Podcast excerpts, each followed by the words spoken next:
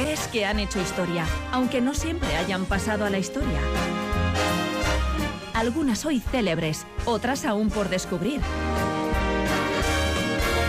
Algunas heroínas, otras villanas, todas singulares.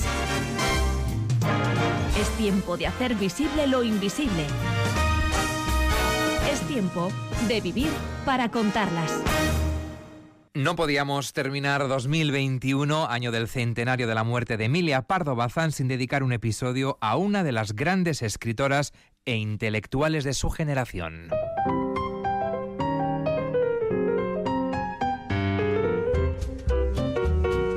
Siempre batalladora, rebelde, provocadora, controvertida y desconcertantemente contradictoria.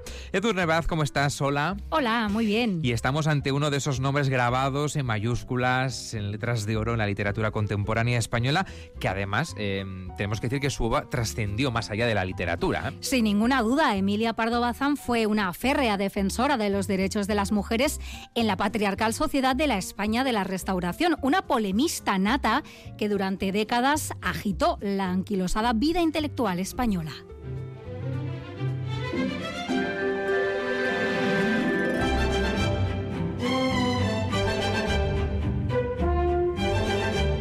Pluma en mano vamos a reescribir la historia de Emilia Pardo Bazán y de la Rúa Figueroa, que nació en A Coruña el 16 de septiembre de 1851, en el seno de una familia gallega noble, muy acomodada y de tradición liberal. ¿Cómo era esta familia? Bueno, ella fue la única hija de Amalia María de la Rúa Figueroa y Somoza y el conde José María Pardo Bazán, terrateniente, abogado, político y convencido defensor de los derechos de las mujeres que se aseguró de que Emilia recibiera la mejor educación posible. Ella jamás perdió de vista el valioso consejo que su padre le había dado de niña. Le dijo, si te dicen alguna vez que hay cosas que pueden hacer los hombres y las mujeres no, di que es mentira porque no puede haber dos morales para los dos sexos. Qué grande verdad. Bueno, la primera vía de acceso directo a una temprana eh, formación de Emilia Pardo Bazán se la proporcionó eh, la inmensa biblioteca familiar, ¿no? que despertó en esa pequeña Emilia una prematura y voraz hambre literaria. ¿Qué leía? Pues todo lo que caía en sus manos, la Biblia, la Ilíada, el Quijote o la obra de Víctor Hugo se contaron entre las lecturas favoritas de aquella futura literata que dicen empezó a escribir antes de cumplir los 10 años y que a los 13 ya dio forma a su primera novela titulada Aficiones peligrosas y que además fue publicada al completo en 2012. Sus intereses iban mucho más allá de los habitualmente impuestos a las jóvenes de buena familia, como la música, los buenos modales o la economía doméstica. Ella, con el respaldo de su padre, recibió una amplia formación en todo tipo de materias, con especial atención a las humanidades y a los idiomas, llegando a manejarse con soltura en francés, en inglés y en alemán. A esto además contribuyeron los numerosos viajes que hizo con su familia y años más tarde también en solitario. El primer gran muro con el que se topó en su camino educativo fueron los estudios universitarios, que estaban vetados a las mujeres fuera cual fuera su posición social. Y Emilia optó a la fuerza por seguir estudiando de forma autodidacta. 1868 fue un año clave en su vida.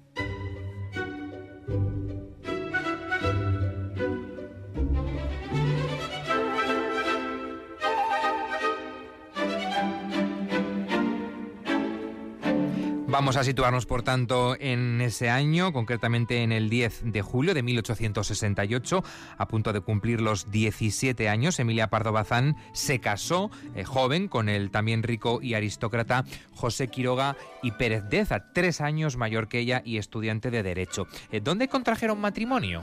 La boda se celebró en la entonces llamada Granja de Meirás, propiedad de la familia que con los años Emilia amplió, construyendo las célebres torres hoy conocidas como Pazo de Meiras, que tras acabar en manos de los francos son en la actualidad objeto de una batalla judicial orientada a su retorno al patrimonio público del Estado, bienes muebles incluidos. Aquí está ahora mismo la batalla. Tras recorrer España en su viaje de novios, el matrimonio se instaló con los padres de Emilia. Tres días después de su decimoséptimo cumpleaños, tuvo lugar otro hito determinante en la vida de la escritora, la Revolución de 1868. Y es que, con el destronamiento de Isabel II y el inicio del sexenio democrático, el padre de Emilia Pardo Bazán fue elegido por segunda vez en su vida diputado a Cortes. La familia, recién casados incluidos, se trasladó entonces a Madrid. Bueno, pero desengañado con la realidad de la práctica política y esas luchas eh, de poder madrileñas, José Pardo Bazán abandona la política e inicia junto a su familia eh, un largo periplo por Europa. ¿Cómo le influyó eh, a Emilia conocer otros países, otras culturas? Bueno, llegó de aquellos viajes imbuida del ideario carlista y neocatólico que, a diferencia de sus liberales padres, compartía con su conservador y recién estrenado marido. Tal es así que uno de los pasajes más controvertidos a la par que disparatados de la biografía de la escritora es su participación en el contrabando de armas para los defensores de la causa carlista. Según parece, la escritora viajó a Inglaterra para comprar armas con el objetivo de introducirlas de forma clandestina por la frontera de Portugal. A tal efecto llevaba, según la leyenda, el dinero escondido en el escote, sujeto bajo el corsé, sin levantar sospecha alguna. El escándalo, cuando años después la noticia trascendió, fue más que considerable. Ella renegó de todo aquello y argumentó que fueron, cito textualmente, fiebres políticas que me calentaron la cabeza cuando tenía pocos años. También añadiría, mientras las mujeres no tengamos derecho a ser activas en política, ni a votar, ni a ser votadas, me niego a tener filiación política y apoyar a ningún partido. Bueno, en cualquier caso, em, la escritora publicó las crónicas de aquellos viajes en el diario El Imparcial y años más tarde eh, fueron recopiladas en un volumen titulado Por la Europa Católica. ¿Qué contaba en esa obra? En sus artículos insistía en la necesidad de que España se europeizara y en lo educativo que resultaba viajar al menos una vez al año, algo que por supuesto no estaba al alcance de cualquiera. Pero de sus viajes por Europa y en particular por Francia, Emilia Pardo Bazán se trajo algo más. Tuvo la oportunidad de conocer a Víctor Hugo, a Emil Zola, máximo representante de la nueva corriente literaria que estaba haciendo furor en Francia, el naturalismo.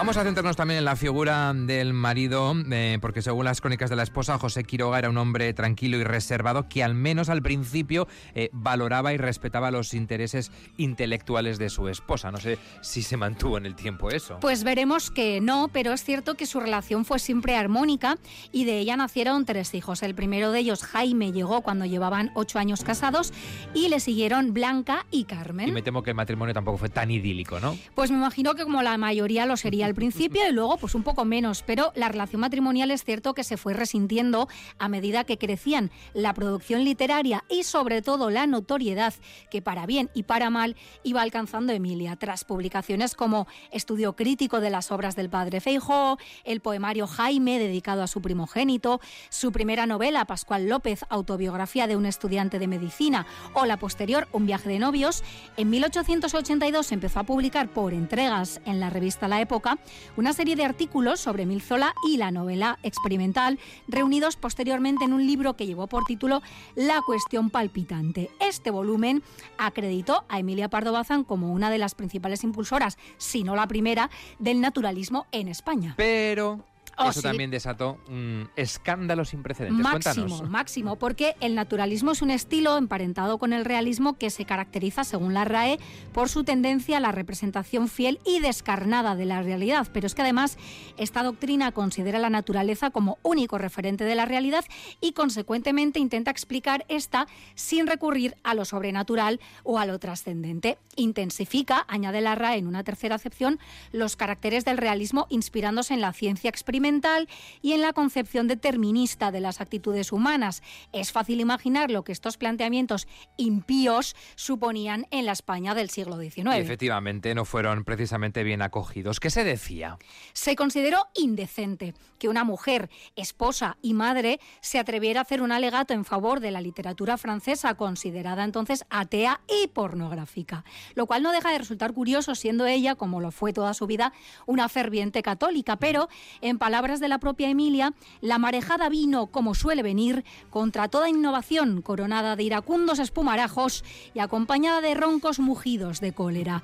Los repetidos y furibundos ataques que sufrió la escritora, incluidos los provenientes de quienes ella consideraba estrechos amigos, incomodaban sobremanera a su marido, que le pidió que dejara de escribir y se retractara públicamente, algo a lo que ella, como ya supondréis, se negó. y de alguna forma eso fue el fin del, matrimonio, ¿no? que por otro lado, eh, ya decías, venía eh, resintiéndose en los últimos años. Sí, entonces eh, no existía el divorcio y lo que hicieron fue separarse de forma discreta y sorprendentemente amistosa también. ¿no? Tuvieron, de hecho, una cordial relación durante el resto de sus vidas, pero Emilia Pardo Bazán estaba decidida no solo a seguir escribiendo, sino a ganarse la vida haciéndolo. Ella misma afirmó, me he propuesto vivir exclusivamente del trabajo literario sin recibir nada de mis padres.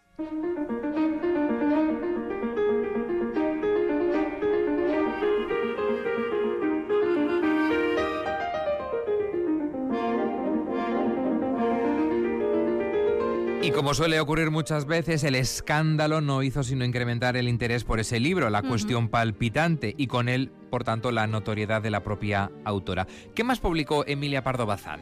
Pues surfeando aquella agitada ola, en 1883 publicó La Tribuna, considerada nada menos la primera novela social y la primera novela naturalista española.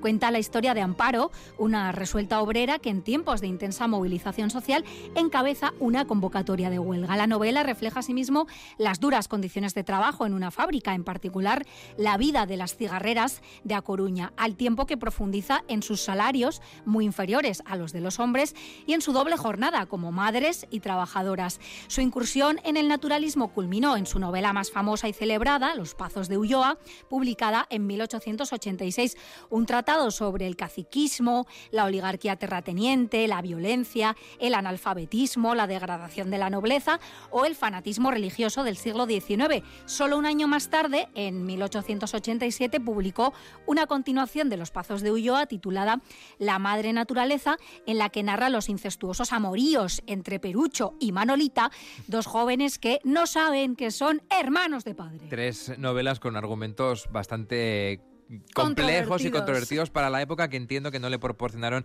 eh, muchos amigos a Emilia Pardo Bazán en esa mm, sociedad pacata, ¿no? Por supuesto. De, la España de, ese momento. Pero no había tema que ella no se atreviera a tocar. Otras de sus más célebres obras fueron Insolación y Morriña, dos historias amorosas publicadas en 1889. En la primera, Emilia Pardo Bazán se hacía eco de algo con lo que estaba más que familiarizada, la doble moral de su época, o para ser exactos, el doble rasero con el que eran juzgadas las mujeres. La protagonista de Insolación es una viuda que tiene la osadía de volver a enamorarse y de disfrutar, claro está, de los placeres físicos, como ella misma hizo con la discreción que la sociedad del momento exigía a las mujeres en su conjunto y a una mujer separada en particular.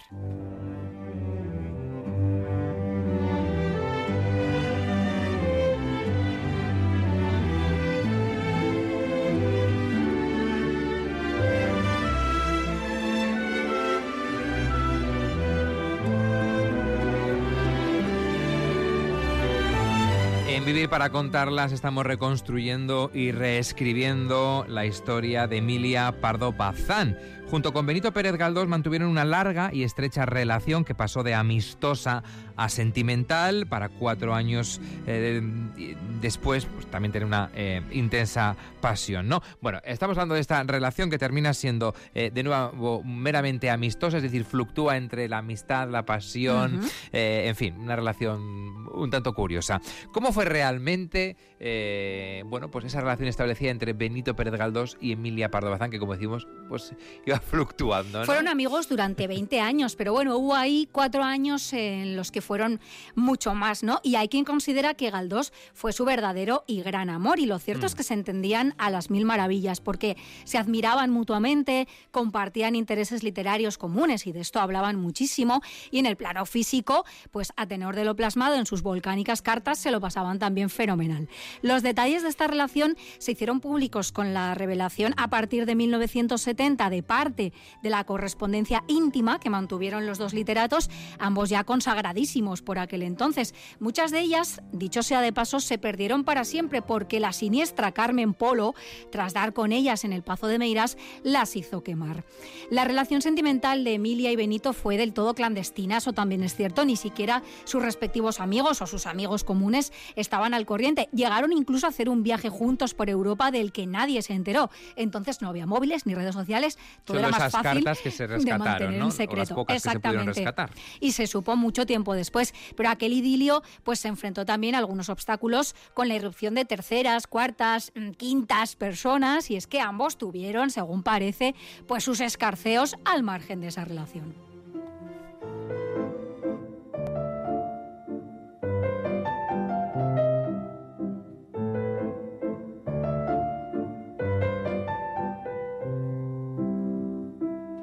Hemos dicho respecto a la literatura de Emilio Pardo Bazán, de Emilia Pardo Bazán, que era un exponente del naturalismo, ¿no? Pero a partir de los años 90 del siglo XIX eh, se fue apartando de ese naturalismo y comenzó a explorar nuevos caminos literarios como el idealismo o el simbolismo, que también eran tendencia en Europa.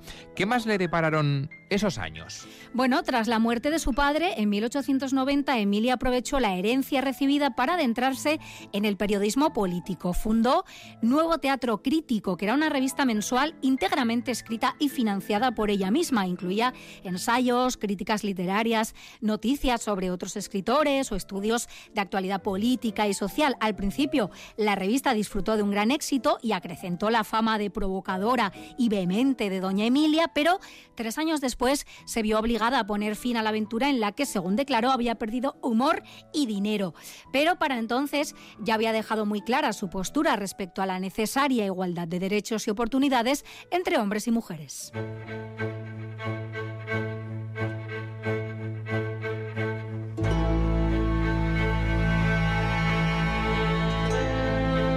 Pese a los límites impuestos por el patriarcado, Emilia Pardo Bazán logró hacerse por méritos propios, con un destacado lugar en la historia de la literatura española y europea, ya hemos dicho, grabado con letras mayúsculas y de oro, algo que no todos los intelectuales, eh, incluidos algunos de sus amigos, eh, aceptaban de buen grado. ¿Por qué?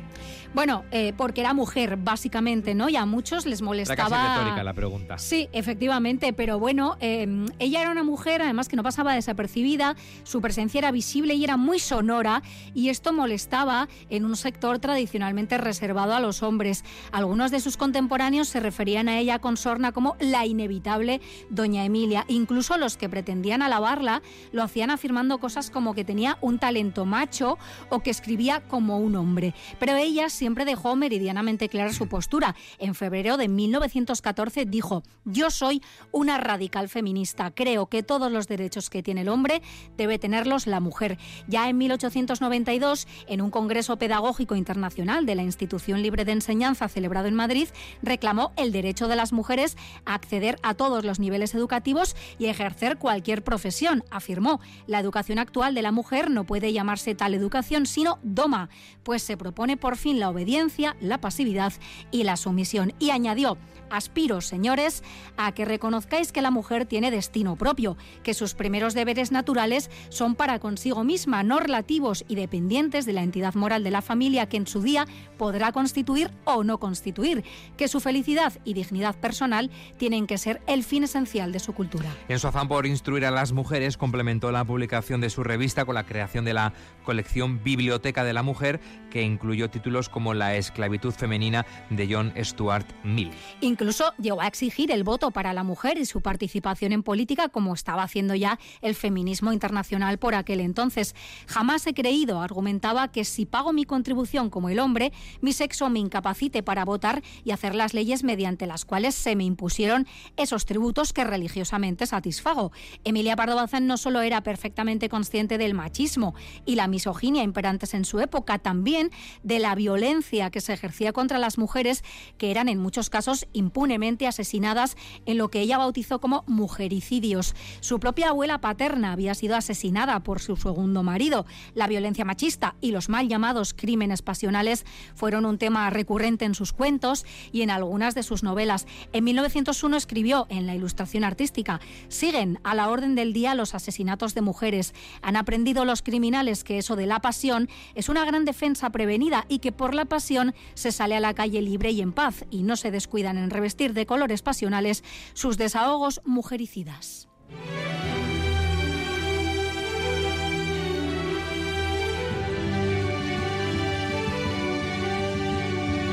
Uno de los grandes empeños de Emilia Pardo Bazán fue la presencia de las mujeres en las instituciones culturales. ¿Consiguió estar en ellas?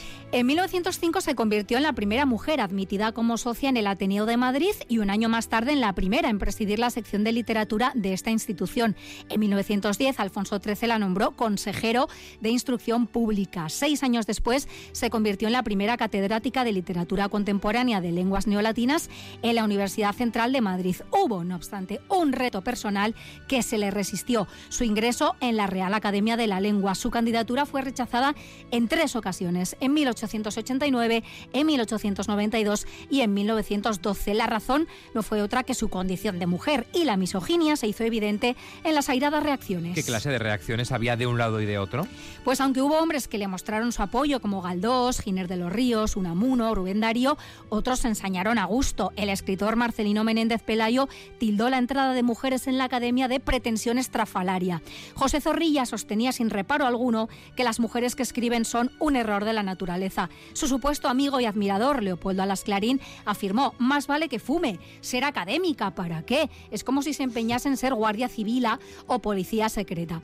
Otros recurrieron a la descalificación personal y de nuevo machista, como Juan Valera, que afirmó que no podían aceptarla en la academia porque su culo no cabía en el sillón. La poetisa Carmen Conde se convertiría en la primera mujer elegida para ocupar un sillón en la Real Academia Española, pero no fue, eso sí, hasta 1978.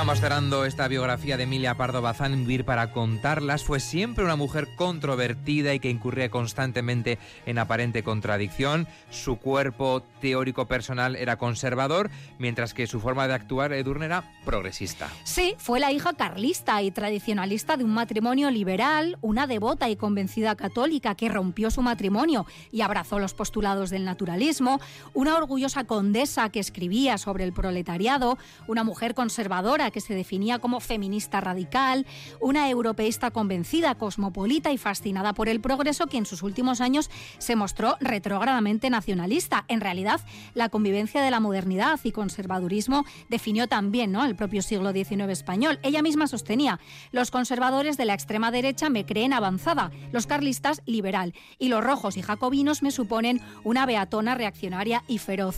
Una afección gripal complicada por su diabetes se la llevó el 12 de mayo de 1921 a los 69 años. Fue enterrada en el cementerio madrileño de San Lorenzo y no como deseaba que era en la capilla del que fue su santuario personal, esas Torres de Meiras. Sus descendientes vendieron los terrenos en 1938 a las autoridades franquistas coruñesas que, para congraciarse con el futuro dictador, abrieron, digamos, entre comillas, una suscripción popular, no voluntaria, por supuesto, para regalárselos a los Franco.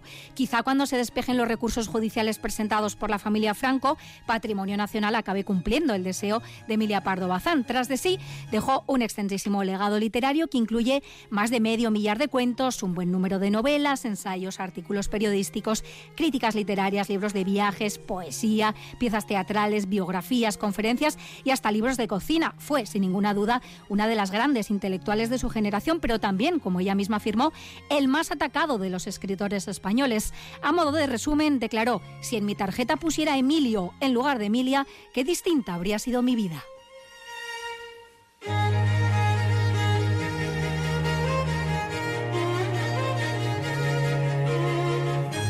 En Vivir para contarlas con Edurne Baz hemos reconstruido y reescrito la historia de Emilia Pardo Bazán. Es que recasco. Eso, regatic. Agur. Agur.